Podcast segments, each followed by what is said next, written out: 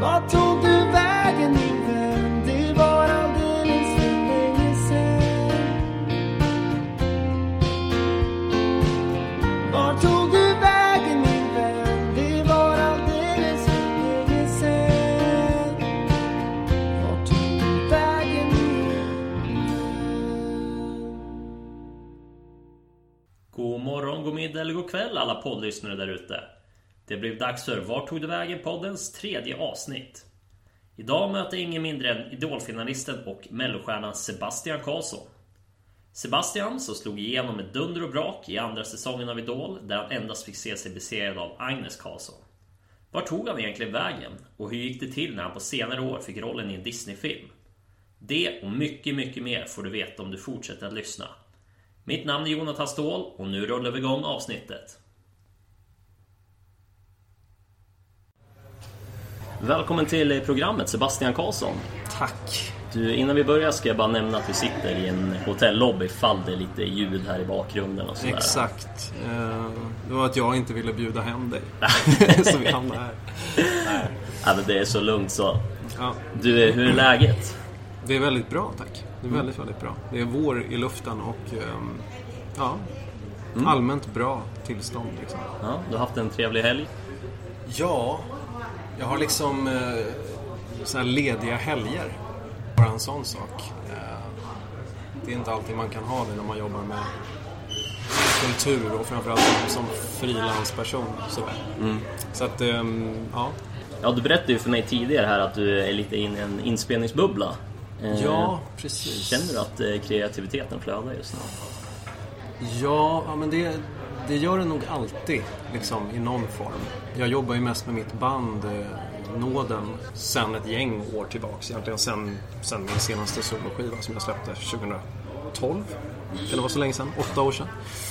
Ehm, så gör jag mest grejer med dem och vi ska släppa lite nytt 2020. Helst innan sommaren men troligtvis innan jul i alla fall. Det brukar vara så. Ehm, det är ett sånt där hjärteprojekt som man liksom som man inte kan knuffa på. Man är van att jobba med att ja, men vi har en deadline då och då och det här ska skickas till, till mastering då och då. Ehm, Men i det här fallet är det mer så här... Vi får se. Liksom. Ehm, Men det är rätt skönt. Ja, Verkligen. härligt. Vi kommer komma in lite mer på nåden senare. Men eh, till att börja med skulle jag vilja gå lite tillbaka i tiden. Eh, var växte du upp någonstans? Jag växte upp... ehm, jag är född i Nacka utanför Stockholm. Och växte upp mina första år tills jag var sex ungefär så bodde jag i Tyresö. Eh, och därifrån flyttade vi sen till, till landet. Morsan fick någon sorts, ehm, ja, någon sån här eh, romantisk bild av att det vore finare för barnen att växa upp på landet. Så vi flyttade till, eh, till Morgongåva, först till Vittinge och sen till Morgongåva, en halv mil därifrån. Och eh, där gick jag i skola, där eh, växte jag upp, där startade jag mitt första band. Eh, och sen gick jag gymnasiet i Sala.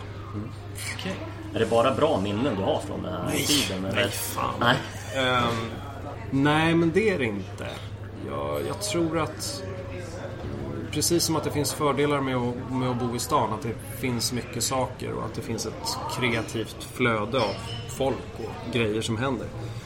Så finns det ju någonstans fördelar också med att bo på landet. Att det är lugnt och det är det här och det här och det har alltid varit så här och alla generationer känner varandra.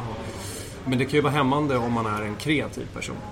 Absolut. Det finns ju ett, eh, det finns ju ett jantetänk helt klart. Att det är jättekul om man underhåller på skolavslutningen men mellan skolavslutningarna så kan man väl bara hålla käften och, och inte tro att man är något. Ehm, och det, det...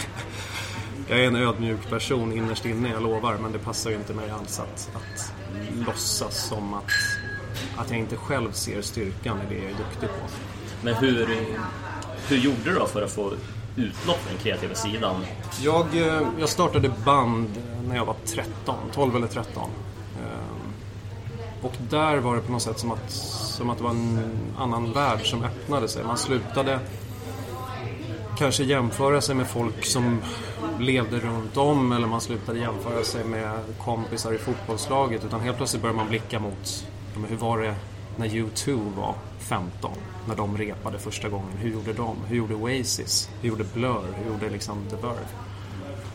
Och man började titta dit och man eh, kände sig liksom lite mer lite mer normal då.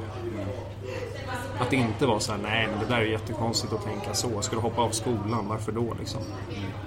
Det som kanske saknades där jag växte upp, det var förebilder som hade gjort den här typen av sak. Okej. Tror jag. Ehm, för det fanns ingen där jag växte upp att säga, ja men den här snubben som eller den här tjejen som har gjort det här och det här och det här. Hon är ju härifrån eller han är ju härifrån.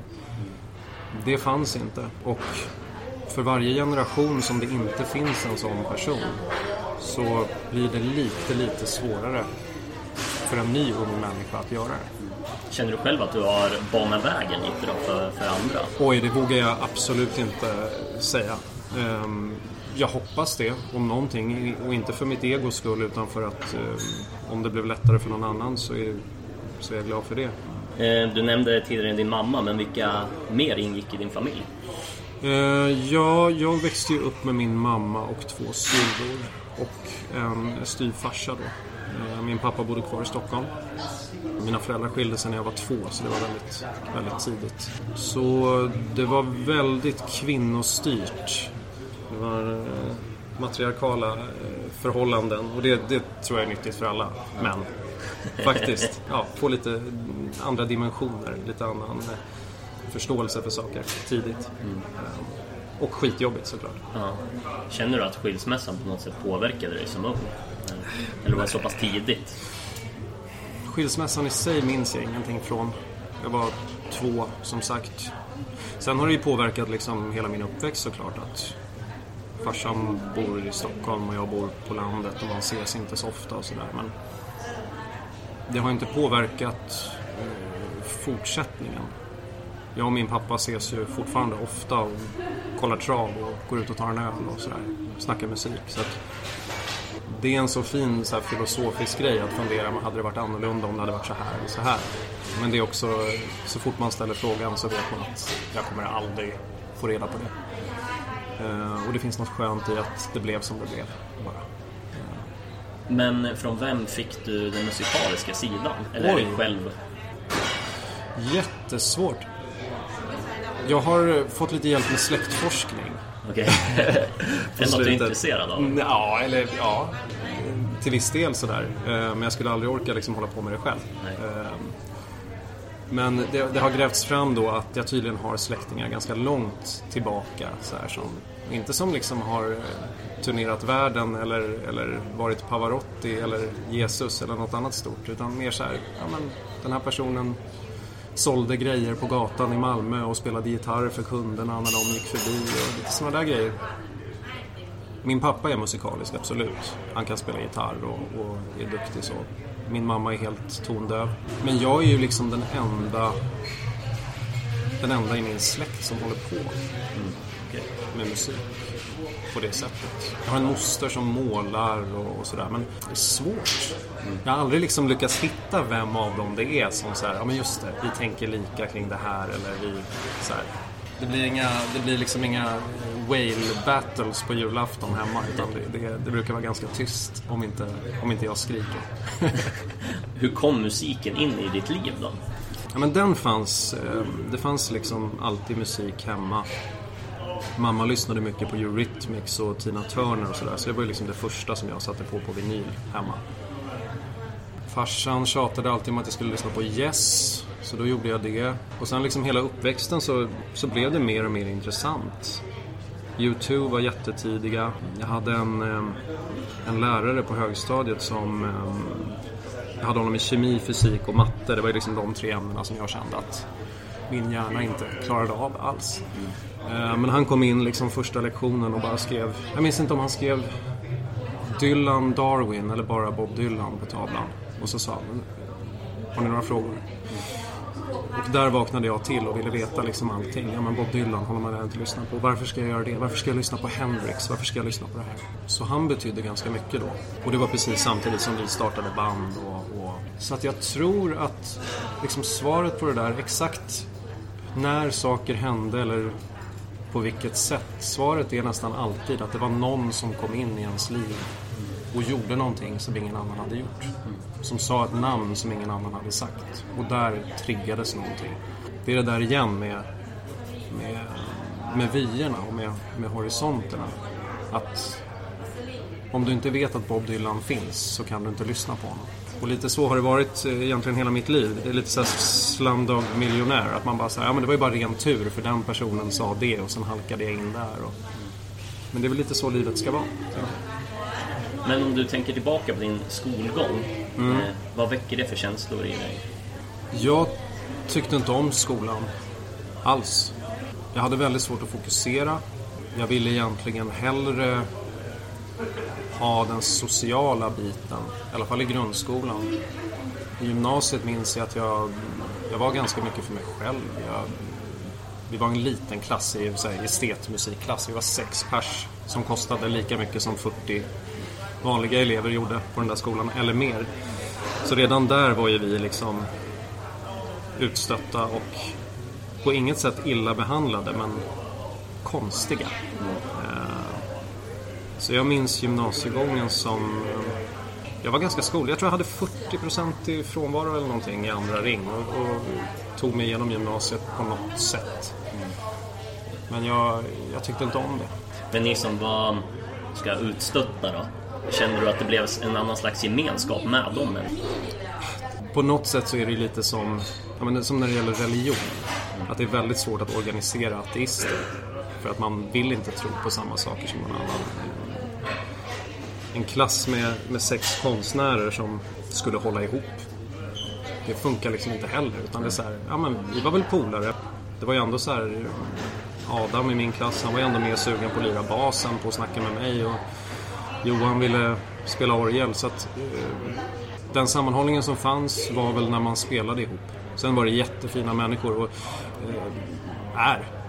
Pratar om dem som att de är döda. Det hoppas jag att de inte är. Men, eh, och det är samma med, med lärarna i skolan och sådär. Det var ju liksom, det var inte där felet var utan jag tror att det var liksom skolan som format tror jag var svår för mig. Kände du tidigt ändå att du hade en slags talang för musiken då? Ja... Jag, jag höll nog mest på redan från tid. Jag sjöng något solo när jag gick i första klass på lågstadiet. På någon Lucia-grej. Och det gjorde jag mest för att jag tyckte det var kul att sjunga. Och sen blev det en reaktion på det. Någon tyckte någonting. Och så var ju det jättekul. Men aldrig i ledet, och det här har ju liksom fortsatt hela mitt liv. Att jag har ju liksom aldrig gjort någonting för att få den reaktionen. Utan jag har snarare gjort det för att jag tycker om det. Och sen har jag fått en reaktion. Ibland har ju folk eh, kastat sten och allt möjligt liksom. Eh, man har spelat på eh, fyllefester i småländska skogarna och man får ett shotglas sulat i pannan. Det har ju också hänt. Men ofta så är ju reaktionen positiv för att folk tycker om när folk gör saker. Om jag har fått i mig tre bärs så applåderar jag vem som helst bara för att den, bara för att den inte bara sitter. Liksom. Men jag har nog aldrig liksom börjat i den änden att ja, men jag ska börja lira musik för då, då kommer jag få brudar, jag kommer eh, bli rik, det här det här kommer hända. Jag har nog bara tänkt att jag vill göra det här. Har du något eh, minne här, väldigt långt tillbaka i tiden som är kanske det första du känner av musik? Oj. Alltså när någon annan har spelat eller Ja, vad som helst. Något ljud liksom. Det jag minns är väl liksom så tidiga Första gången man hörde vissa band. Första gången jag hörde en viss skiva eller såg någon konsert och bara blev sådär Jag står på Globen och, och grinar liksom. Vilken konsert var det? Ja men alltså U- U2 var ju det som var störst för mig när jag växte upp. Och inte så mycket liksom Nu när man tittar på det så går det ju knappt att lyssna efter Acton Baby. Men det var ju, de, var ju 80-talsplattorna som jag lyssnade på. Och egentligen före Joshua Tree också. Jag lyssnade mycket på, på, på de allra första October och, och, och eh, Boy och sådär. Um, men den känslan när man liksom bara känner att det här hör inte jag någon annanstans utan det här har jag nästan, nästan letat reda på själv och gett mig själv. Det är det musik är på något sätt. Vi pratade innan vi började micka upp oss också om att jag... När man liksom hittar de där grejerna så kan det vara svårt också att gå vidare sen. Så jag lyssnar nästan bara på, på Nick Cave nu och det, det är för att jag bara känner att det är ju typ bara han som kan få mig att känna så. Och det är den känslan jag vill åt. Så att, inget ont om Destiny's Child men jag, jag lyssnar på dem av andra anledningar. Och mer sällan. Men du nämner det här med att snöa in sig då på band. Mm. Blir det sen att du bara helt släpper dem också? Jag tänker, skulle du kunna tröttna på Nick Cave?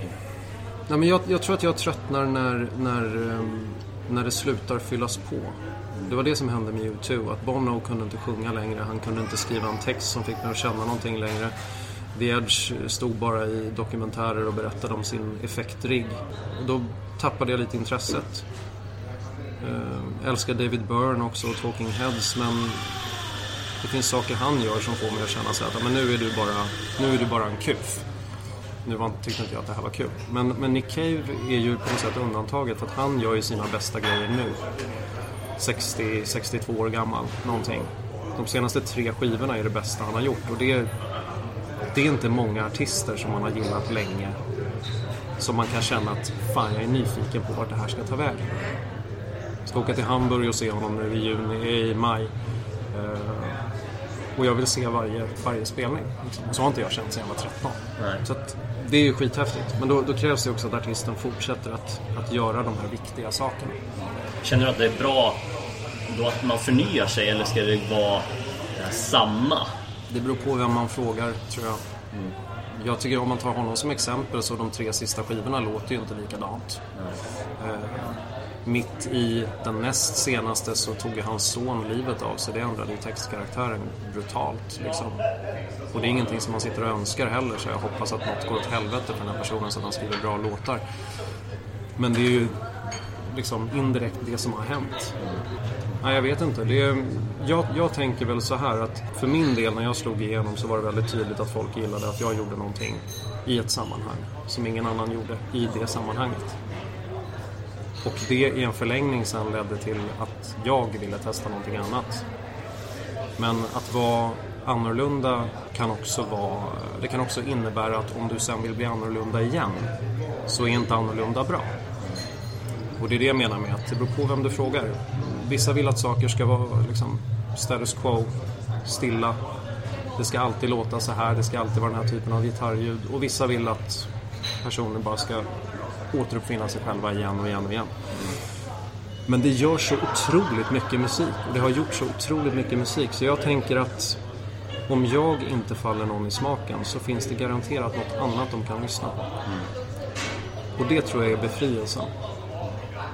Det har också blivit befrielsen för mig att jag inte förväntar mig att en artist ska uppfylla allting åt mig. För det, det kan bara sluta med att jag blir besviken. Ta de bästa bitarna, gör en liten buffé. Eh, Så försöker jag tänka. Eh, minns du själv din första egenskrivna låt? Ja, Ja. det gör jag. Vågar du nynna på den? Nej, Nej. nej. För jag skrev den till en tjej som jag var kär i hela grundskolan.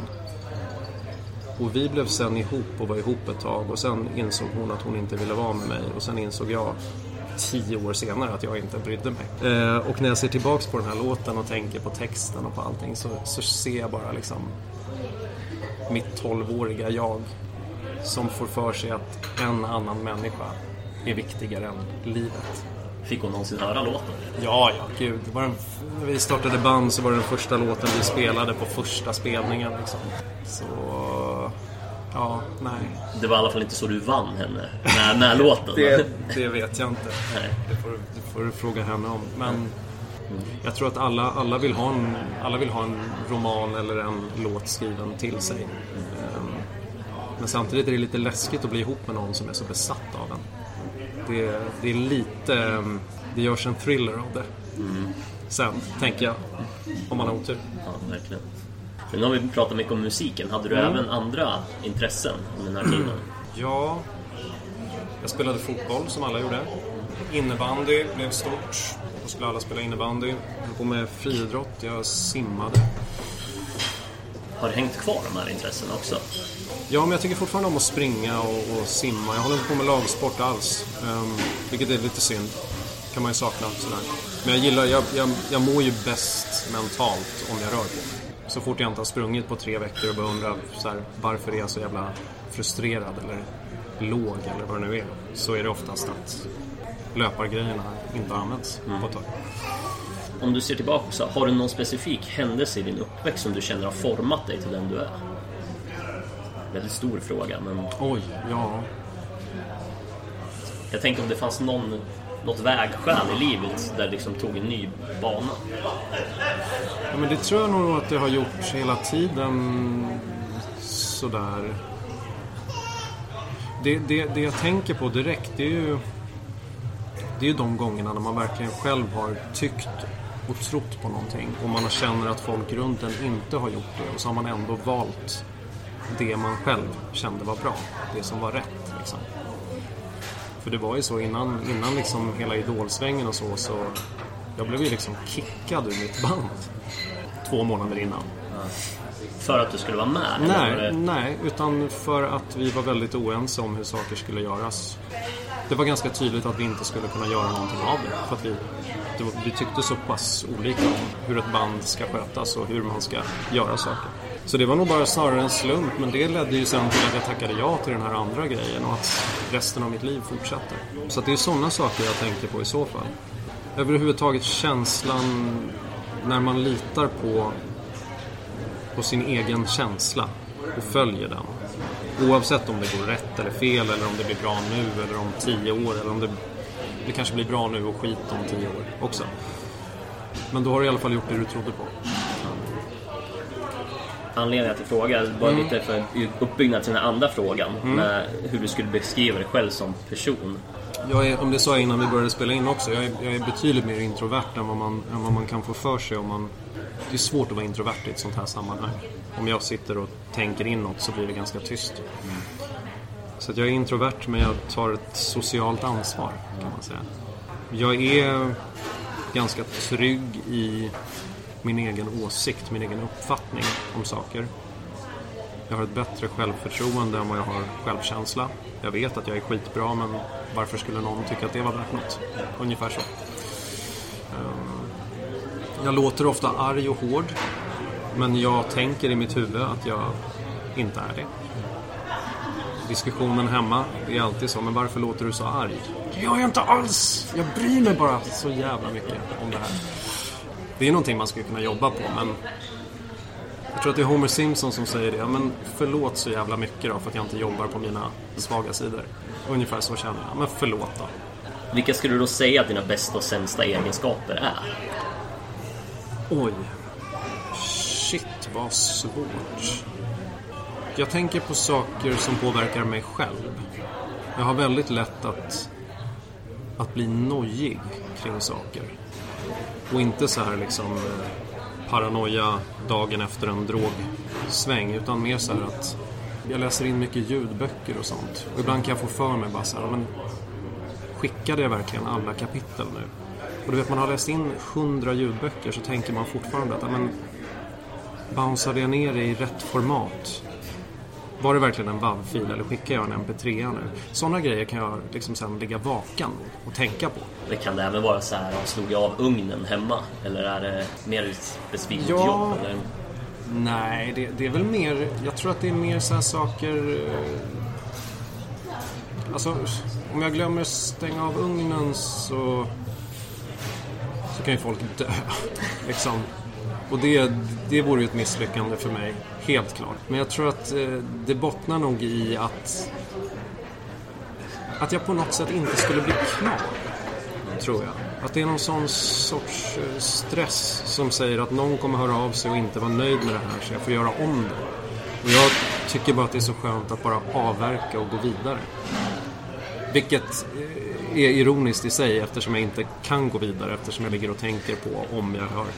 Så att, ja, jag vet inte. Men det, det är väl en sån en dålig sida. Bra sidor är att jag är... Jag har ganska nära till, eh, till njutning. Liksom. Jag kan bli glad av väldigt lite. Jag kan tycka att det är jättefestligt en tisdag eftermiddag och dricka en eftermiddagsöl med en kompis på ett sunkak och känna att nu unnar jag mig något. Det räcker. Jag behöver inte åka till, ehm, eh, till Maldiverna. Liksom.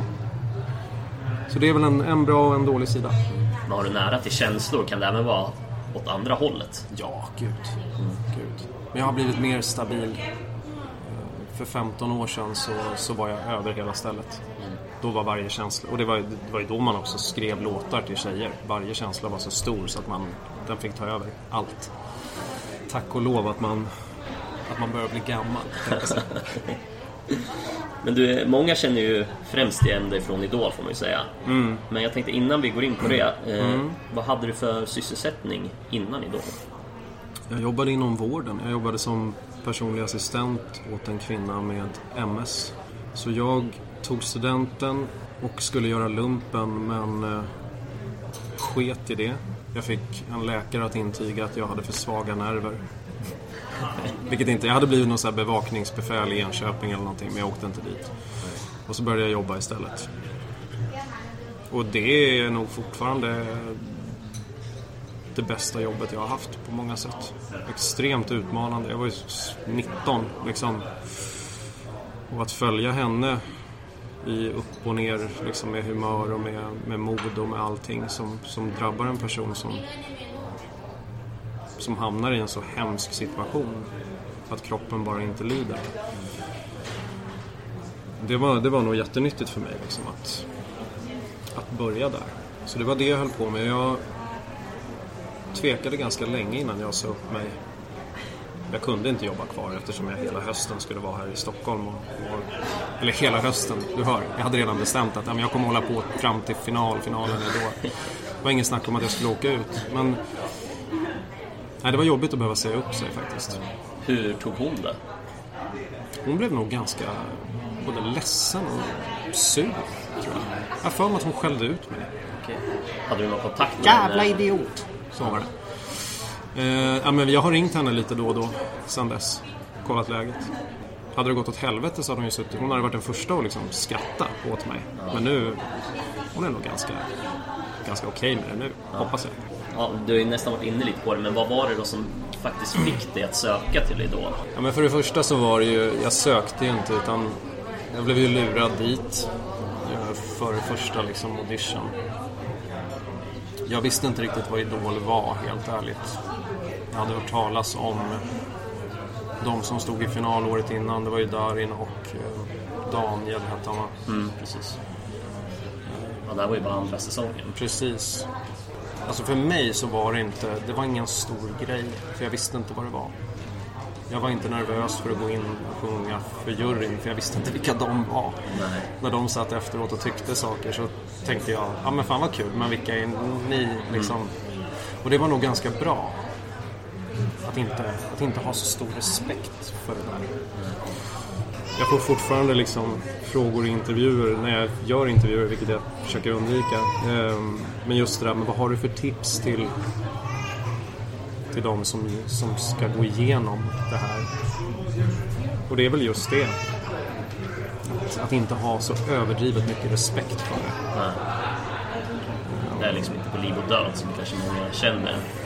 Nej, och jag tror också liksom att människor som, som sätter sig i en sån position, antingen Ehm, som en jury på det där sättet eller någon sorts tyckare överhuvudtaget. En människa som sätter sig i en sån position ska nog vara jävligt bra själv, tänker jag. Och det försöker jag alltid tänka när någon slänger fram åsikter om saker. Jag vill gärna känna att, att jag själv respekterar den personen först, om jag ska ta åt mig. Men det är lätt att säga till någon som är 16 och så ska gå in och göra någonting inför 3 miljoner tittare. Ta det lugnt. Exakt, exakt.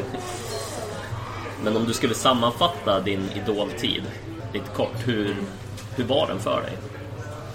Det var ju jävligt kul. Det var väldigt mycket runt det som jag inte gillade.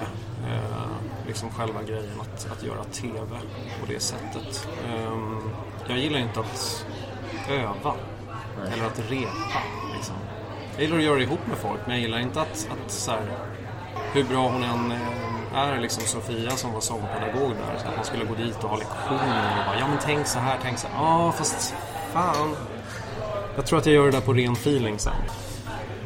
Och det är naivt att tro att man, att man ska bli bättre om man, om man har den inställningen. Men det var så jag, så jag kände då. Kanske är lite mer 50-50 att det är dels det här med att sätta sången men även ha känslan.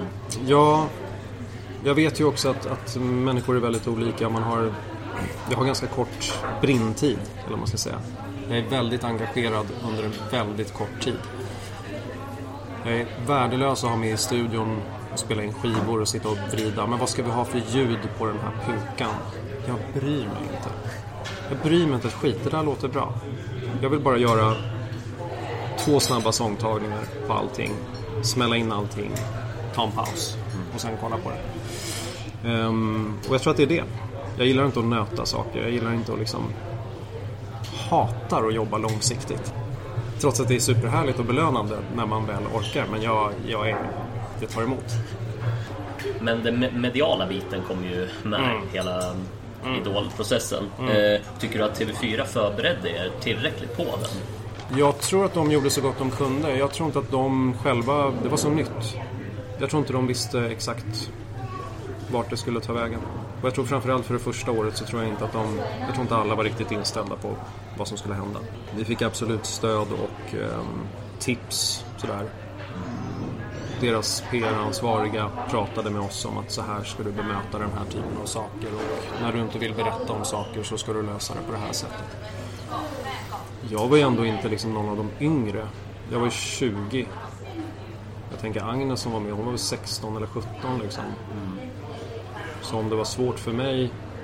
Eller så är det dubbelt. Antingen så var det att jag hade hunnit bli så pass gammal så att jag fattade hur svårt det var.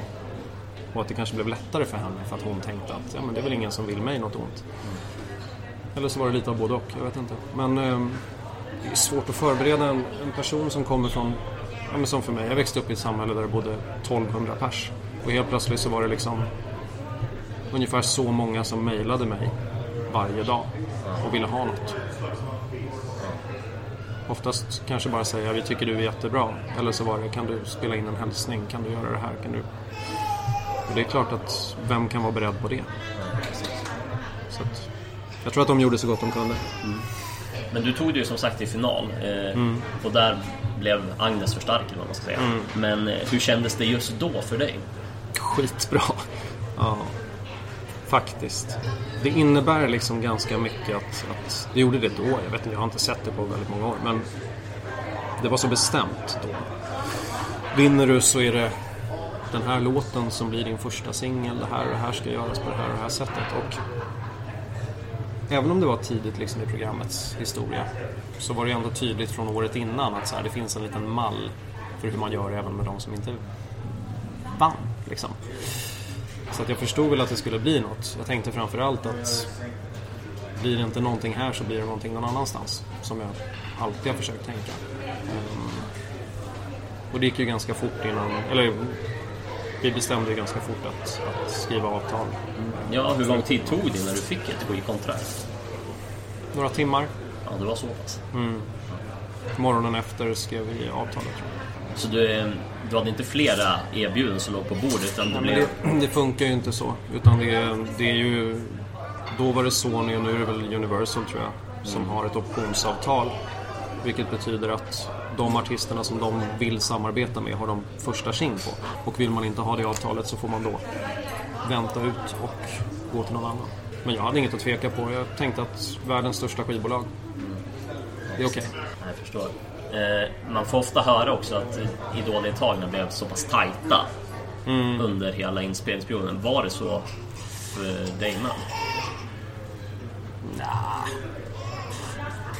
Vi, vi var en ganska... Alltså det, det, det, vi, vi var en grupp med väldigt tydliga, tydliga individer skulle jag säga. Eh, Tittar man tillbaks på det så det, det, är, det är inga lagspelare i den där uppställningen. Sen är det klart att alla var schyssta med varann och vi gick ut på kvällarna och framförallt efter, efter programmet så skulle man ju ner på stan och, och shotta liksom. Det var ju så vi gjorde. Och det gjorde man ju ihop men ehm, jag har ju liksom inte kontakt med någon så här efteråt. Man springer på varandra ibland. Och så är det Hej hej, hur är läget? Men ehm, Inte mer än så. nej, men det var nog inte mer än så då heller. Det kanske var som ett jobb egentligen. Ja, jag tror också att... eh, jag har ju bara sett det på håll liksom, eftersom jag inte har sett programmen de senaste åren. Men det känns också som att för varje år som, som har gått så har ju liksom åldern gått ner på deltagarna och det tror jag också är en sån påverkande grej. Um, vi var ju ett gäng över 20. Jag minns inte om någon var, var äldre än så till och med. Nu kanske det också är någon enstaka som är lite äldre som är med men då blir det väldigt och då blir det nästan äldst. Ja, och då trycker man väldigt mycket på hur gammal den personen är också. Det är såhär, shit, är du 32? Ska du inte bara dö? Ja. Men eh, under den här tiden måste jag ha fått en ganska stor fanbase. Eh, Är det någonting som fortfarande hänger kvar? Märker du av det? Ja, men det gör det ju. Och jag tror, ehm, alltså, man ska komma ihåg också att det här var ju, det här var ju liksom innan Instagram. Ja, det är 15 år sedan. Ja, hör ni det alla kids där ute? Att det fanns en tid innan Twitter. Det här med att liksom skaffa sig en fanbase i sociala medier som, som är det enda folk gör nu. Skivbolagen säger, ja men typ, vi kan absolut satsa på dig som artist men du får göra allt jobb själv genom din Instagram. Så att har du en miljon följare så får du ett skivkontrakt. Um, det var inte så då. Och därför är det också svårt att så här, jag menar, jag, jag har Instagram och lägger ut bilder på min hund. Jag är skitdålig på det. Jag kan inte lägga ut att så här, kolla nu, ska jag göra det här och ni borde, ni borde bry er. Men det är där igen att, att jag gör det för att jag bryr mig och så tänker jag att om någon annan gör det så får väl de hitta mig. Ni är absolut välkomna. Det är inte det. Men jag tänker inte, tänker inte locka med bullar liksom. Nej. Men du, i mina två tidigare avsnitt där, då har jag intervjuat två skådespelare. Då har jag testat om de minns sina repliker. Åh fy fan. Eh, Men det funkar ju inte riktigt för dig här. Men eh, däremot tänkte jag testa om du minns låtarna som du framförde i Idol. Och sen har jag gjort ett litet twist på det här. Gud. Jag har slängt in dem i Google Translate Oj. och lagt över dem på norska. Men herregud. Så jag kommer spela upp. Så får du helt enkelt se om du kan komma ihåg vilken låt det är. Känner du... Jag tänker inte vara stöddig men jag tror att jag kommer naila det här alltså. Oh shit, ja. Är du tävlingsmänniska? Ja, det är jag. jag. eh, Det finns en risk att jag slår dig på käften nu. Nej, Nej jag Tvinga vet. mig att erkänna att det är rätt Norska är också kanske det värsta jag vet. Men nu, ja absolut. Vi testar. Ja, vi ska se här. Danska hade varit lättare. Danska. Jaha, gud. Hur kommer det sig? Ja, men man, man är ju mycket mer i Köpenhamn än i, än i. Oslo. Mm, mycket trevligare. Mycket mer öl. Mycket, mycket mer mat. Mindre olja också. Kanske med någon öl, då blir det lite lättare också att höra. Ja, men då pratar säger. man likadant. Ja. Men du, vi börjar med den här första låten då. Mm. Sjømenn slåss i dansehallen, se på Hulemen, det er den freiste showet, se på lagmannen og banke opp feil fyr, lurer på om han noen gang vil vite det, han er i beste selskapsoppvisning, er det livet på Mars? Det där är ju livet på Mars. Ja, av David man på Bowie. slutet. Ja, ja, men tur för det. Känner du fortfarande lika säker på att du kommer naila de andra? Ja, men jag tänker att om jag känner igen ett ord så räcker ju det. Bevisligen. Ja. Livet på Mars. Ja, Ja. ja du tog den första. Det är ju Ja. ett poäng i alla fall. Då går vi på nummer två. Sakte forandrer kan trekke oss fra hverandre når lyset kommer inn i hjertet ditt. Baby, ikke glem meg, ikke gjør det. Ikke sant, ikke glem meg, vil du stå over meg? Se på meg, aldri elske meg, regnet faller, faller, regn faller ned, ned. ja gud vad svårt. Ja, den var klurig. Det, det är delar i det. Så här, slå. Nej men gud, det här var jättesvårt. Nej, Ger upp. ja jag ger upp. Vad var det? Det var Don't You med Simple Minds. Ja men såklart! Ja, det var, det var fortfarande en chans att naila mer än hälften här. Det är fyra Ja, stycken. Okej. Så eh, vi tar Mm. nummer tre nu då. Hvis du ikke kan våkne opp i morgen fordi sengen din ligger ledig om natten hvis du er tapt, er du lei eller ensom, kan ikke kontrollere det. Så prøv som du kan, kan du finne den kjærligheten, aldri forlate deg, kan du finne den ved dagen, du vil ikke bli tapt. Såret eller ensom, noe vakkert vil komme din vei. Nej, jag kan inte. Nej. Shit det här vad svårt det var var. väldigt tidigt kan jag säga. Kanske det första till och med. Din audition. Är det Signed, Sealed, Delivered? Nej, men Something Beautiful med Robbie Williams. Nej men oj jävlar. Ja men såklart. Den tycker jag själv var väldigt klurig måste jag säga. Ja, men du vet. Du får tänka att det är 15 år sedan och att det är 60 000 låtar. Och norska. Och norska, ja jag vet. Nej. Ja, men nu, nu får är du sista. sista chansen här då. Känner du dig redo? Ja. Akkurat her, akkurat nå ingenting er umulig akkurat her. Akkurat nå jeg er på et mirakel jeg har sett deg. Jeg føler kjærligheten din, og det er ikke noe jeg kan gjøre akkurat her. Akkurat nå, mitt hjerte, mitt hjerte tilhører deg.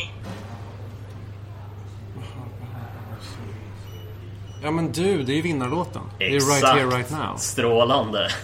Den kunde jag men inte... Inte Simple Minds. Ja, men det känns sista linen där, äh, där också om man översätter.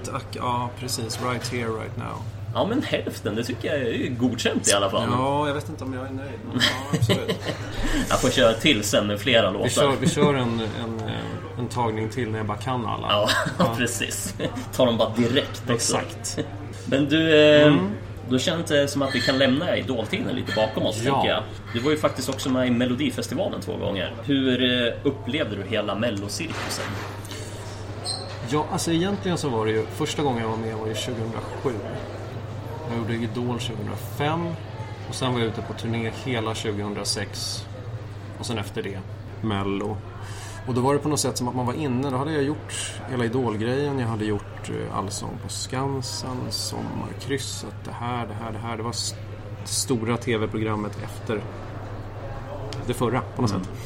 Ehm, Mello är ju liksom, ska man säga tittarmässigt så är ju det fortfarande...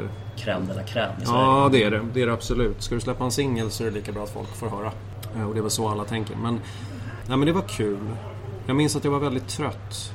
Ehm, jag hade jobbat nonstop från, från Idol. Jag hade spelat in två skivor och sommarturnén gjorde vi 80 spelningar tror jag.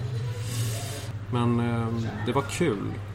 Ehm, det var liksom det var vad det var på något sätt. Och sen det som var den stora skillnaden var ju att hur kul den var med Idol att göra alla de här låtarna och att, att liksom slå sig fram. Så fick man liksom vara i ett lika stort sammanhang med en låt man hade skrivit själv. Och det tyckte jag var ett steg åt rätt håll för mig. Liksom. För det har egentligen... Det är skitkul att stå på scen och det är jättekul att åka runt och spela men det är få saker som slår att skriva. Liksom. Så det tyckte jag var kul. Det var ett bra team. Det var jag och Peter Kvint som jobbade då. Han proddade mina skivor. Och han var med, hade varit med och skrivit låten också. Men jag minns, jag minns att jag var trött. Det är liksom den stora sådär, shit vad jag var på väg in i väggen, verkligen. Visste inte det riktigt då, men det blev så sen. Ehm, och det är ju problemet när man gör saker som andra vill göra och som andra tycker är kul och som man själv tycker är kul. Det är att det är ingen som säger du, fan du kanske ska ta ledigt. Nej, kör! Fan vad roligt. Men ja, nu nämnde du det här med att gå in i väggen. Hur, Mm. eh, hur gjorde det uttryck sig hos dig? Alltså vad hände rent generellt? Jag blev, jag blev fysiskt trött. Jag blev också mentalt väldigt... Jag var väldigt ledsen. Alltså musik var det roligaste som fanns i mitt liv. Hur kul det än var att komma ut och helt plötsligt få sms från människor som man själv hade lyssnat på som ville gå ut och dricka öl med en. Man bara, här sitter jag med den här rockstjärnan som jag har sett upp till sen jag var barn nästan. Jättehäftigt, jättehäftigt att träffa snygga tjejer när man är 20-21 och bara tänka att oj, ja, de gillar mig tydligen. Eh, varför vet jag inte, men de gör det. Så att det är lika bra att köra. Hur kul allt det där än är så var det ju ändå musiken som var det jag ville göra. Och när jag blev sådär trött, när jag liksom kände att, att jag inte fyllde på med energi längre så var ju musiken helt plötsligt inte kul längre. Så det jag hade älskat mest av allt i mitt liv var det värsta som fanns. Och det var väldigt svårt att hantera. Att dit jag brukade fly för att hämta energi, det var där jag förväntades tömma mig. Liksom. Hur tog du det ut? Ja, men jag, jag jobbade på och sen tog jag liksom någon paus på några månader. sökte inte hjälp eller så då. Ehm, Var, var musiken helt borta då? Eller? Nej, alltså jag tror att min utbrändhet förvärrades allt eftersom fram till sista soloskivan egentligen. Sen var ju en, för, en fördel med att det hade gått så bra var ju att jag kunde jag kunde inte ta ledigt på det sättet att, så här, att jag hade rätt till det. Utan det fanns ju hela tiden att så här, jo men vi måste bygga vidare här, vi måste jobba vidare. Men jag hade ju också jobbat så mycket och tjänat faktiskt så mycket pengar så att jag kunde ju liksom skita i att jobba. Jag behövde inte, jag gick inte till Försäkringskassan och sa att jag är sjuk, jag behöver hjälp. Utan jag betalade en terapeut själv 1500 spänn i timmen och satt i flera år på tog itu med min skit. Liksom. Det var ju senare på något sätt. Så jag tror att i samband med att vi gjorde tredje skivan så, så gick jag igenom det. Så antingen så satt jag hos terapeuten eller så var jag i studion. Vad ser du dig själv vara för artist?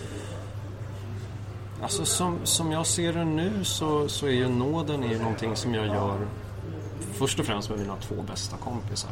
Som också råkar vara liksom, två av de bästa musikerna och låtskrivarna i, i landet. Jag har ju tur. Superfina. Det är som två storebrorsor. Och jag tror att det som försvann lite grann när vi startade bandet det var just det där att, att fundera så mycket kring vad gör vi för något och vem är det till och vad, vad är vi? Och mer fokus på att bara göra. Lyssnar man på nåden-grejerna också så det drar ju också, det blir, det blir ju det som kommer nu i år kommer ju vara betydligt svartare än, än, än tidigare saker men vi har ju redan nu gjort en, en resa låtmässigt. Första låten jag skrev till nåden var ju liksom så här, Anders Glenmark glad svängpop liksom. Och sen därifrån så har det ju glidit mer och mer mot vemods eh, uttrycket liksom. Jag tycker man ska komma ihåg också att alla de här programmen, Melodifestivalen och allt vad det är, det är ju tv-program. Det är inga musikprogram, det är tv. Eh, om det var ett musikprogram så skulle man inte säga att låten ska låta så här och den ska vara så här lång. Utan då hade man anpassat programmet efter den musiken som skulle vara med. Och det gör man inte, så då, då är det inte det. Sen, sen tror jag också att det finns människor som, som gör väldigt coola och bra grejer som ändå kan göra, presentera en låt i det formatet. Så funkar det. Så det är väldigt svårt att säga. Man slår inte på TVn en, en lördagkväll för att få någon sorts eh, kulturell eh, spänning åt, åt sidorna. Liksom. Utan det är ett format. Nåden känns ju som ditt eh, hjärteprojekt. Ja, det är det Eh, verkligen. Vad är din syn på musikbolag som ändå ska gå in och peta? Alltså med nåden så, så har ju vi gjort allt själva. Vi, vi har, har ju haft ett skivbolag som har hjälpt till att, att släppa musiken. Men skivbolaget har ju inte släppts in i studion. Men jag tänker lite tidigare också. Ja... Nej, men jag tror att med rätt person på rätt skivbolag så kan, så kan den personen tillföra väldigt mycket. Komma med en röst till och säga att, och det behöver inte alltid vara så här att Rix FM kommer inte gilla det. Utan det kanske bara är så här, det blir lite coolare om ni gör lite så här. Och ibland är den idén jättebra, ibland eh, är den sämst, precis som ens egna idéer. Det beror så mycket på vad det är. På den tiden när jag släppte soloskivor så var ju också ambitionen lite... Det började ju med att första skivan sålde ju guld på två dagar. Andra skivan likadant. Eh, Det var liksom Rockbjörnar, det var Grammis-nomineringar. Det, var liksom, det fanns en ambition att, att vara högst upp och krafsa. Att få Håkan Hellström att inte platsa på topp tre på tracks för att jag ska vara etta. Det var ju ambitionen. Och det, det är en ganska tydlig ambition också för en 20-årig snubbe med kroppen full av, av eh, steroider tänkte jag säga, men, men hormoner. Att, att man ska ta fight med allt och alla och man ska vinna. Och jag, jag har ju inte det drivet idag. Eh, jag tänker att en vinst för någon annan tar inte ifrån mig någonting. Och det hör man väl väldigt tydligt på, liksom, på Nordens musik. Att det är ingen kampmusik. Det är snarare luta sig tillbaka och ge upp. Eh, med någon sorts... Eh, det finns någonting fint i det.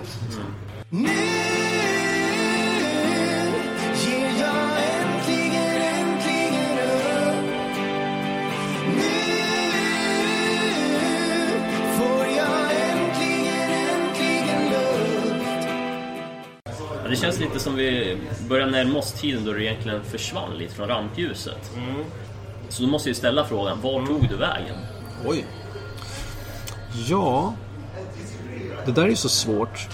Och jag tänkte på det redan när du hörde av dig och frågade om jag ville vara med och prata om vart jag tog vägen. Så tänkte jag att den enda som inte tänkte att jag försvann var ju jag. För jag försvann ju inte. Nej. Jag bara gick någonstans där ingen såg mig. Och vad som egentligen hände, det var ju som jag sa att jag, ehm, jag gick in i väggen. Jag kände att jag inte, jag hade inte drivet kvar att stå och slåss. Jag kände att terapin gjorde saker med mig också, att jag inte behövde, jag behövde inte bli bekräftad, jag behövde inte bli sedd. Jag började skita i att gå på Rockbjörnen, jag började skita i att, dyka upp på saker. Jag eh, slutade skicka in låtar till Melodifestivalen. Jag slutade göra den där typen av saker för att för det gav inte mig något. Eh, vi började med nåden 2012 och det är inte så att vi har försökt hålla det hemligt. Det har funnits här. Jag har suttit och eh, med, jag tänkte säga vilken av kvällstidningarna och gjort långa intervjuer med nåden tills de avslutar med ja men vem ligger du med nu? Och vill man inte svara på det så blev det ingen intervju i tryck. Och det, det handlar ju inte om att vi inte vill synas, det handlar om att jag inte vill prata om vem jag gör barn med. Så att om det innebär att jag försvann, då var det rätt att försvinna. Ehm, och sen, sen, eh, för du sa det innan också att man kan tolka det så olika när man får frågan om en sån här sak. Att, att, att man kan bli kränkt, man kan tänka sig oj vilket misslyckande att folk tycker att jag har försvunnit. Men jag tänker snarare att det, jag väljer att ta det som en fet komplimang. Att om folk bara vet att jag gjorde Idol och inte ens vet att jag har släppt plattor och vunnit Rockbjörnar och gjort det här och det här och det här och ändå minns. Då är det okej, det också. Någon slags eftertryck. Ja, men då har man ju någonstans bara ställt in ett skåp vid något tillfälle. Ehm, så det var väl det som gjorde att jag, eller hände om man tänker att jag försvann. Sen började jag också jobba med andra grejer. Jag började jobba mycket med, med tecknad film. Började dubba och göra röster. Och, och det är egentligen det jag, det är det jag gör på dagarna. Ja, kan du beskriva lite hur en dag i ditt liv kan se ut idag? Oj. Jag jobbar med väldigt mycket olika saker. Jag skriver en del musik ihop med lite folk. Vi håller på med nåden. Dubbar. Mycket tecknat. Ibland är det film, ibland är det serier. Det görs väldigt mycket grejer. Ehm, Så det är svårt att säga. Är det olika från dag till dag så att säga? Ja, det är det. Har ju också den här frilanslyxen. Om man inte blir stressad över pengar så kan det vara lite lyxigt att helt plötsligt bara vara ledig i tre veckor. Om man nu kallar det ledighet eller arbetslöshet eller vad man ska kalla det. Men, men, ehm, så det är väldigt varierande. Ehm, jag läser in mycket ljudböcker, vilket jag älskar. Man har hamnat i någon så här... Man tänker alltid att man är Morgan Freeman när man sätter sig i studion. Och bara, nu dricker jag en kopp te och så berättar jag en historia. Så mitt liv är jävligt skönt. Liksom. Det är... mm, Sen har jag en hund som precis har fyllt ett år och som vill gå på långa promenader och bitas och jävlas. Så att jag har ett, ett liv som är väldigt lite liksom limousin och smoking utan mer eh, så här Bästa köpet senaste halvåret är så här fodrade gummistövlar liksom. Men det... Jag tycker det är härligt. Men just det här med röstjobben, hur kom du in på den biten?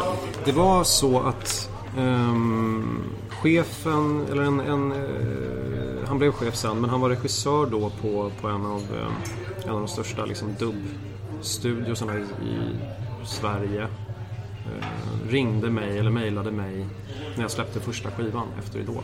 Och sa vi tycker att du skulle kunna passa för det här. Skulle du vilja komma hit och testa? Och sen gjorde jag tre biofilmer då om Arthur och Minimojerna. Luc Besson tror jag det var som hade gjort originalet. Så det var liksom Madonna och David Bowie i, i originalroller och så står man där och så bara, hur... Så det var jag och Robin och Micke Nyqvist tror jag som gjorde de stora och Petter var med och sådär. Och jag var ju så jävla nervös. Och jag var så nervös på biopremiären för jag kände ju att det här kan ju inte jag. Och så satte sig Robin bredvid mig och hon bara var jättegullig. Efter min första replik så bara klappade hon mig på armen och bara Det var inte så farligt. Precis som att du var inte så dålig som du kunde ha varit. Och det, sen rullade det på. Jag, jag har liksom gjort, eh, ja, sen dess allt från Frost till ja, Pokémon till liksom mycket. Liksom.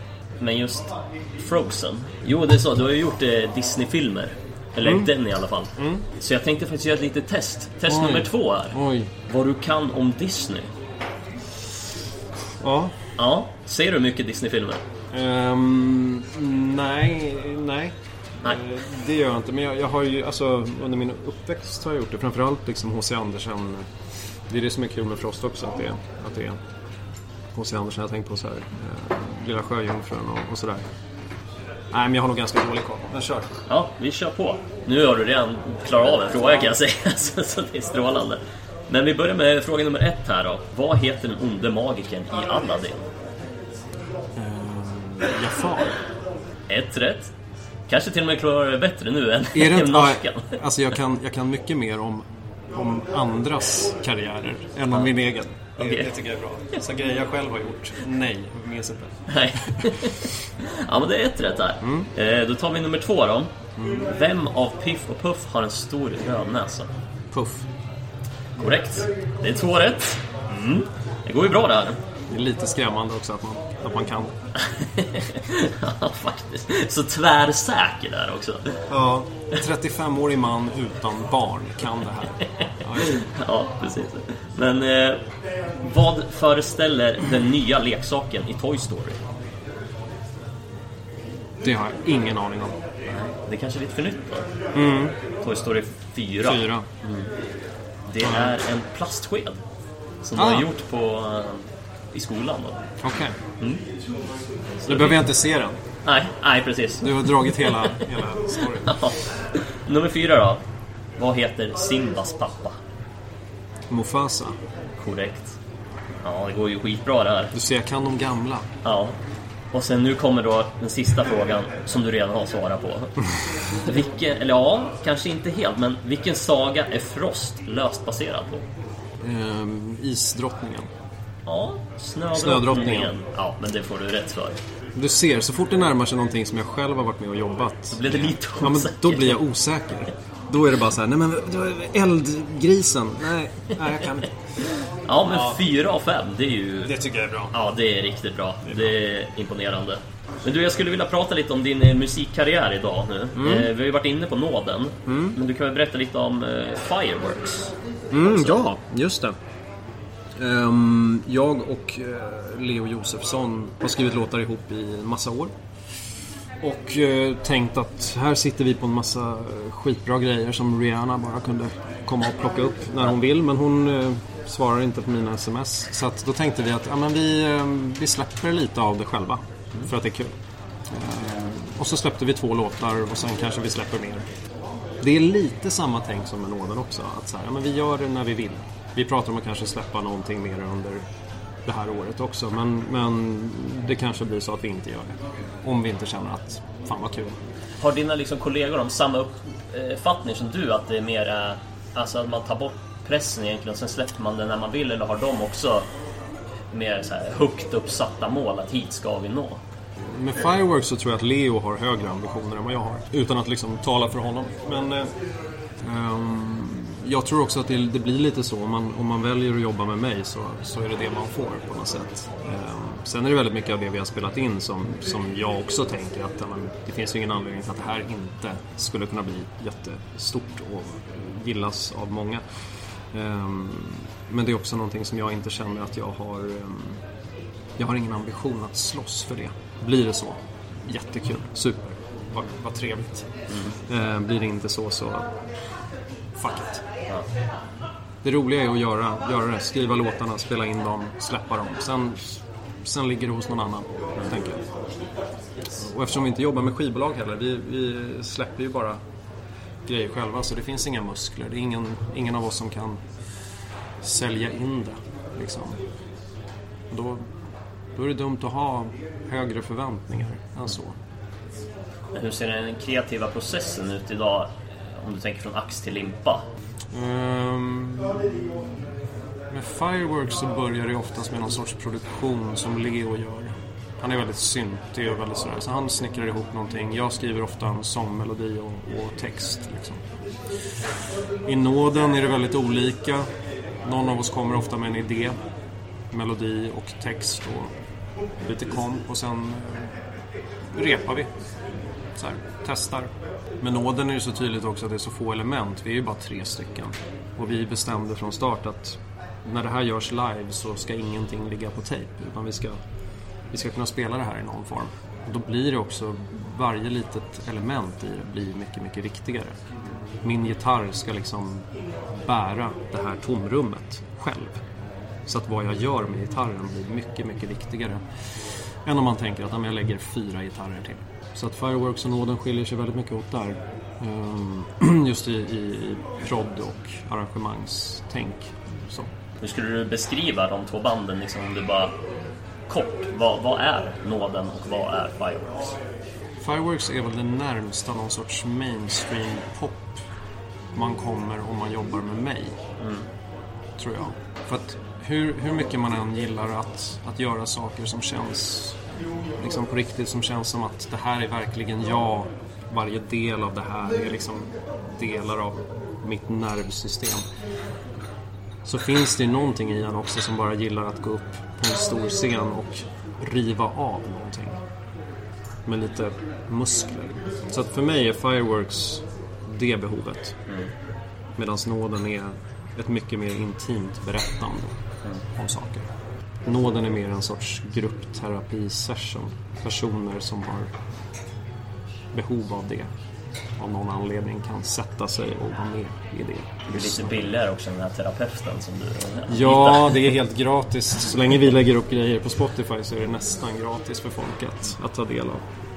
En annan grej som jag vet att du har haft fokus på är ju att du har skrivit en bok. En självbiografi har jag förstått, eller? Det där är så jävla kul. Jag slängde ur mig det där i en intervju för tio år sedan. Och sen har jag fått äta upp det sen dess, för den är ju fortfarande inte klar. Som du Kanske kommit någon bit på vägen. Nej, men det roliga är att jag började och sen slutade jag. Och sen började jag igen och så slutade jag igen och så började jag igen, slutade igen. Och sen lät jag det vara några år, så gick jag tillbaks, läste det och så tänkte jag shit vad jag är uppe i min egen röv. Jag skriver om det här som att dels att det är synd om mig, dels att jag är den enda som har varit med om det här, jag är den enda som har känt så här. Och sen började jag skriva om igen och nu har jag kommit en bit på den. Inte så här att om jag ska släppa det här. Utan jag tänker bara att jag har så mycket grejer i mitt liv som jag har pratat om eller som jag har påbörjat som jag inte har gjort klart. Och jag blir förbannad på mig själv när jag tänker på de sakerna. Så den här grejen ska bli klar. Sen kanske jag skriver slut längst ner på sidan och markerar allt och raderar. Vi får se. Men, vad är det för känslor du får utlopp för i, i Nej, men, skrivandet? nej, men jag tycker om att skriva. Jag, jag, jag har ju alltid skrivit sångtexter, låttexter, liksom. Både engelska och svenska. Det som är grejen med, med en roman eller mm, till och med med en novell är ju att, att du får tid. Jag älskar ju språket. Och sen vi började med nåden så skriver jag ju nästan uteslutande på svenska och det har ju också satt igång någonting med att jag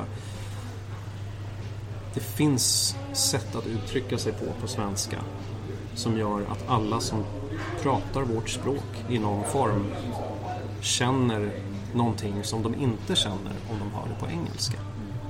Den här, den här lilla barriären där du själv måste översätta och sen ta in någonting, den, den står lite i vägen. Sen måste man fortfarande vara duktig, man måste fortfarande också skriva någonting som, som tilltalar någon annan eller hjälper någon annan än en själv. Men jag älskar att skriva. Jag, jag gör verkligen det. Det är därför jag gillar Nick Cave så mycket också. För att han kan ju skriva så otroligt vackert och skört. Och han kan ju också skriva Stagger Lee om en snubbe som skjuter alla han kan i huvudet så många gånger han bara kan. Jag tror att vi behöver tänka både och.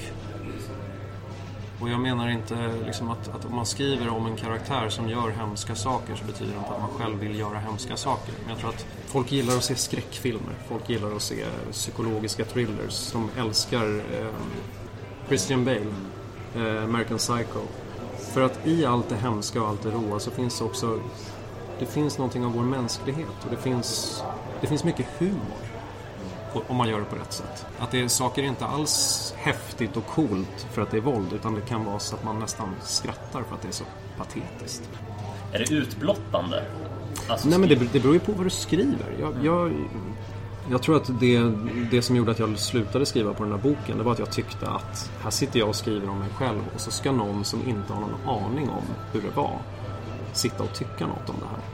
Så jag skrev om allting och nu, jag tror inte att den här boken på något sätt kommer bli den kommer inte handla om mig. Det kommer finnas delar av mitt liv, det kommer finnas delar av människor som, som jag har träffat. Precis som om man ska ta Nick Cave som exempel så är det helt okej att huvudkaraktären helt plötsligt bara skjuter någon.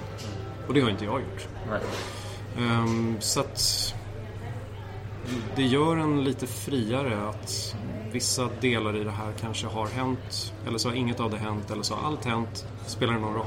Jag kanske bara vill berätta en historia. Har någon fått läsa den hittills? Nej. Delar Nej. kanske? Ja, jag kan ha läst upp lite. lite sådär. Men det är mer bara för att presentera så här hur så här skriver jag. Inte så mycket så här hit ska det ta vägen. Spännande i alla fall. Vi kommer prata om det om tio år igen. Då har du kommit färdigt. Skriva om den fem gånger ja, till. Visst. Det, det viktigaste kanske är att skriva, inte att, inte att bli klar. Liksom. Vi får se. Jag skulle också vilja prata lite om djur. Eh, Mm. För när jag kikar i dina sociala medier så verkar du ändå vara en riktig djurvän. Ja, det är Vad betyder djur för dig? Jag gillar ju inte folk. Jag gillar människor, absolut. Jag tycker att det är kul att träffa människor och jag tänker oftast, men som när vi träffas nu, så tänker jag så här att ja, men det här är säkert en bra snubbe. Det är oftast min grundinställning. Men jag vet att människor i grupp är sämst. Och jag vet att djur är bäst. Jag älskar elefanter, jag älskar hundar. Min hund, som är Sally, som jag har nu, är ju kanske den bästa personen i hela världen. Jag har alltid, alltid tyckt om djur. Har du skänkt pengar och sådär också? För... Ja, det gör jag väl hela tiden. Både till Världsnaturfonden och till World Animal Protection och till Djurens Rätt och allt möjligt. Är du vegan? Nästintill är jag det. Ehm, enstaka tillfällen sådär, ja men du vet, man kan inte alltid styra över om man hamnar på en restaurang och så, ja det var, det var lite smör i det här. Ehm, men hemma så, så håller jag det. Hur ser du på, det går ju lite hand i hand, men hur ser du på klimathotet och framtiden? Jag försöker liksom se det positiva i att det känns som att den generationen som kommer under oss kommer vara bättre än vad vi är. Jag tror att liksom en typisk 16-åring, framförallt tjejerna, som alltid tjejerna, har ett betydligt bredare tänk än vad, än vad vi hade. Jag får, jag får känslan, bara, bara att åka tunnelbana i Stockholm nu, och nu Stockholm är inte representativt för resten av Sverige, det vet jag, men men att höra hur unga människor pratar med varandra.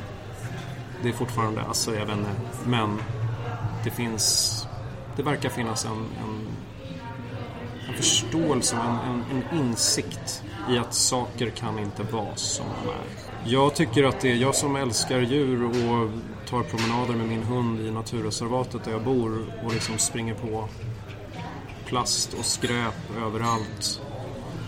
Jag tycker det är för jävligt såklart. Jag, jag vet inte, sen, sen jag slutade äta kött och, och liksom började bete mig på ett annat sätt. Jag åt väldigt mycket kött innan. Jag älskade det. Tills jag helt plötsligt bara inte kunde göra det längre. Och jag har heller inget så här, alla som gör det är dumma i huvudet. Eller alla som, eh, alla som kör bil är dumma i huvudet. Det, det, det funkar ju inte så. Det är väl tyvärr så att de förändringarna som måste göras, de förändringarna måste göras så högt upp i hierarkin så att du och jag inte kommer åt dem. Och det är väl bara hoppas att, att det görs. Men nu har vi varit inne på framtiden då. Om du fick önska fritt, hur vill du att din framtid ska se ut? Jag är så nöjd med mitt liv just nu. Jag tror att i framtiden så kommer jag ha fler hundar. Jag kommer ha en massa ungar. Jag har inget sånt där löfte heller att ja, men du vet, jag, jag ska jobba mindre. Det funkar inte. Jag älskar mitt jobb. Jag skulle önska att dygnet hade fler timmar så att jag kunde vara ledig mer och jobba mer. Nej, men jag tror att jag, jag är i en sån fas i livet nu där jag känner att så här, vad är nästa steg? Och det har nog inte så mycket med jobb att göra egentligen. Utan jag, jobb har alltid varit så för mig att jag har av en slump hamnat här och så hade aldrig dubbat förut, helt plötsligt har jag gjort Frost. Jag har aldrig gjort det här förut och helt plötsligt har jag gjort det. Och så kommer det nog fortsätta tror jag. Hoppas jag. Om vi vänder på det, vad saknar du i ditt liv? Ja, men det är det också, jag saknar ingenting. Så jag tror att allt som man lägger till nu skulle vara en lyx. Och det är därför jag tänker, det är därför man pratar om det här med att skaffa fler djur, att skaffa barn, att liksom det handlar inte om att det saknas någonting. Det handlar bara om att det skulle bara vara lite guld. Liksom. Så jag vet inte. Det är så mycket också som man känner att det är väldigt få saker som är så här statussaker som jag egentligen bryr mig om. Det är så här, om någon sätter in tre miljoner på mitt konto, jag köper ju inte en bil. Liksom, utan jag, jag tar ledigt. Eller jag eh, tågluffar i Östeuropa. Jag åker ju liksom inte första klass dit och dit. Så jag tror att... Jag vet inte. Men det går tillbaka till det där vi pratade om innan. Att så här, men när man är som lyckligast när man sitter med en kompis och dricker en öl och sen går ut i solen. Så att, mer av det då kanske. Yes. Eh, är det någonting i ditt liv som du skulle haft ogjort? Oj. Shit. Du nämnde den där boken i intervjun. Ja, men det, det, det var jag stressad över ett tag när jag kände liksom att, att det fanns förväntningar. Eller det fanns så här, men vad dålig jag är. Om jag inte gör klart det där. Ju äldre jag blir, desto mer tänker jag bara så här, men jag bryr mig egentligen inte om vad någon annan tycker. Vad, vad tycker jag själv? Och enda gången jag stör mig på att någon tycker någonting, det är när jag vet att jag också tycker det. Om någon tycker så här, men fan vad klantig du var som gjorde det här. Eller fan vad, vad dryg du var när du sa det här. Ja, men jag vet. Jag vet. Tror inte du att jag har tänkt på det? Så, jag vet inte. Att man skulle ha ogjort, ogjort. Det är väl liksom, jag, jag tycker inte om att, Jag tycker inte om när andra måste betala för vad jag gör. Om man liksom har, jag vet inte, slarvat bort någonting. Man har liksom glömt att lära sig någonting till ett rep och så står de andra där och så får de kompensera eller man har sagt någonting till någon som den har blivit ledsen för eller Sånt vill man ju alltid ha ogjort men Fan, det går inte. Nej. Vad är du mest stolt över då? Oj. Det enda jag kan tänka nu det är att Alltså jag tog ju studenten 2004. Det handlade ju då om att jag var så skoltrött så jag var knappt i skolan. Jag bara hankade mig igenom. Och så bestämde jag mig i fjol att jag skulle börja plugga. Ingen stor grej utan bara så här, men jag ska ta några kurser på universitetet. Börja hålla på med det. Och nu är jag i stort sett klar med de två då som jag började med. Det är jag stolt över. Jag är stolt över de här sakerna jag faktiskt, ja, men det här har jag pratat om att jag ska göra. Och så gör jag det. Och jag tänker att eh, ska man vara sur på sig själv för att man inte gör klart saker, då måste man ju applådera när man gör det. Ehm, Så då säger jag det. Strålande. Du, eh, de orden får faktiskt börja avrunda det här programmet. Yeah man! Ja, eh, det var väldigt kul att få lära känna dig. Eh, Hoppas att en trevlig stund. Ja, verkligen. Härligt. Men innan du går måste Ja. jag ändå ställa en avslutande fråga. Är det någon du undrar vart den har tagit vägen? Oj. Shit vad svårt. Jag har nog tänkt liksom att de gånger som jag har, som jag har tänkt sådär så har man googlar Ja. och så tänker man oj den personen är tydligen lärare nu. Eller eh, det fanns faktiskt en person, jag måste säga på tal om att du bara haft skådisar med innan. När jag växte upp så såg jag fucking Åmål säkert 35 gånger per år. För att jag var kär både, i båda tjejerna. Eh, både eh, Rebecca och Alexandra. Och när jag blev sjuk, när, min, när jag blev trött och utbränd och kraschade. Så sprang jag på Agnes, som hon då hette i filmen. På SÖS. Eftersom hon är läkare och eftersom hon jobbar där. Så det var en sån rolig grej att så här, Hon var en sån som jag hade tänkt, vart tog hon vägen? För hon gjorde det där och så ville hon inte göra mer film. Hon ville inte göra det. Så hon var en sån. Men så sprang jag på henne och så fick jag det förklarat för mig. Ja. Men det, det var en liten parentes. Ehm, ja. Shit. Rebecca är annars en väldigt bra person som jag skulle kunna få till det här programmet kanske. Det Ja. känns som ett bra Ja. svar annars. Ja. Ja, hon verkar Även fast du vet. super, supersympatisk, var min bild av henne. Ah, Det finns många. Jag undrade vart Tom Green tog vägen tills jag såg att hans... Kommer du ihåg Tom Green? Nej, Från jag MTV. Tom Green Show. Gjorde en film som heter Freddy Got Fingered Okej. på 90-talet som... Ja, det var så här när den här bisarra MTV-humorn slog igenom med Jackass och allting åt alla håll. Så han var ju liksom... Ja, man säga, han, han var värst. Eh, men så såg jag att han skulle komma till Stockholm och köra stand-up så jag tänkte att ja, vill jag gå och se honom? Nej. Nej. Så att, men det är en bra fråga. Jag, jag kanske kommer på någon sen. Ja. När du har stängt Du får mejla mig i efterhand Ja, exakt, exakt. Men du, då avslutar vi det här programmet. Stort Yeah. tack för att du ville vara med. Tack själv. Ja, ni har precis lyssnat på avsnitt nummer tre med Sebastian Karlsson. Hoppas ni gillade avsnittet lika mycket som jag. Vill ni följa Vart tog du vägen-podden så kan ni göra det på Instagram på Vart tog du vägen. Där kan ni också hemskt gärna komma med tips på vilka ni vill höra i podden framöver. Till sist tycker jag även att ni ska kolla upp Nåden och Fireworks. Det finns både på bland annat Spotify och Youtube och är väl värda lyssningen. Annars får ni ha en superbra vecka. Se till att subscriba och dela avsnittet så hörs vi snart igen. Nu kommer Nothing Without You med Fireworks. Hej då!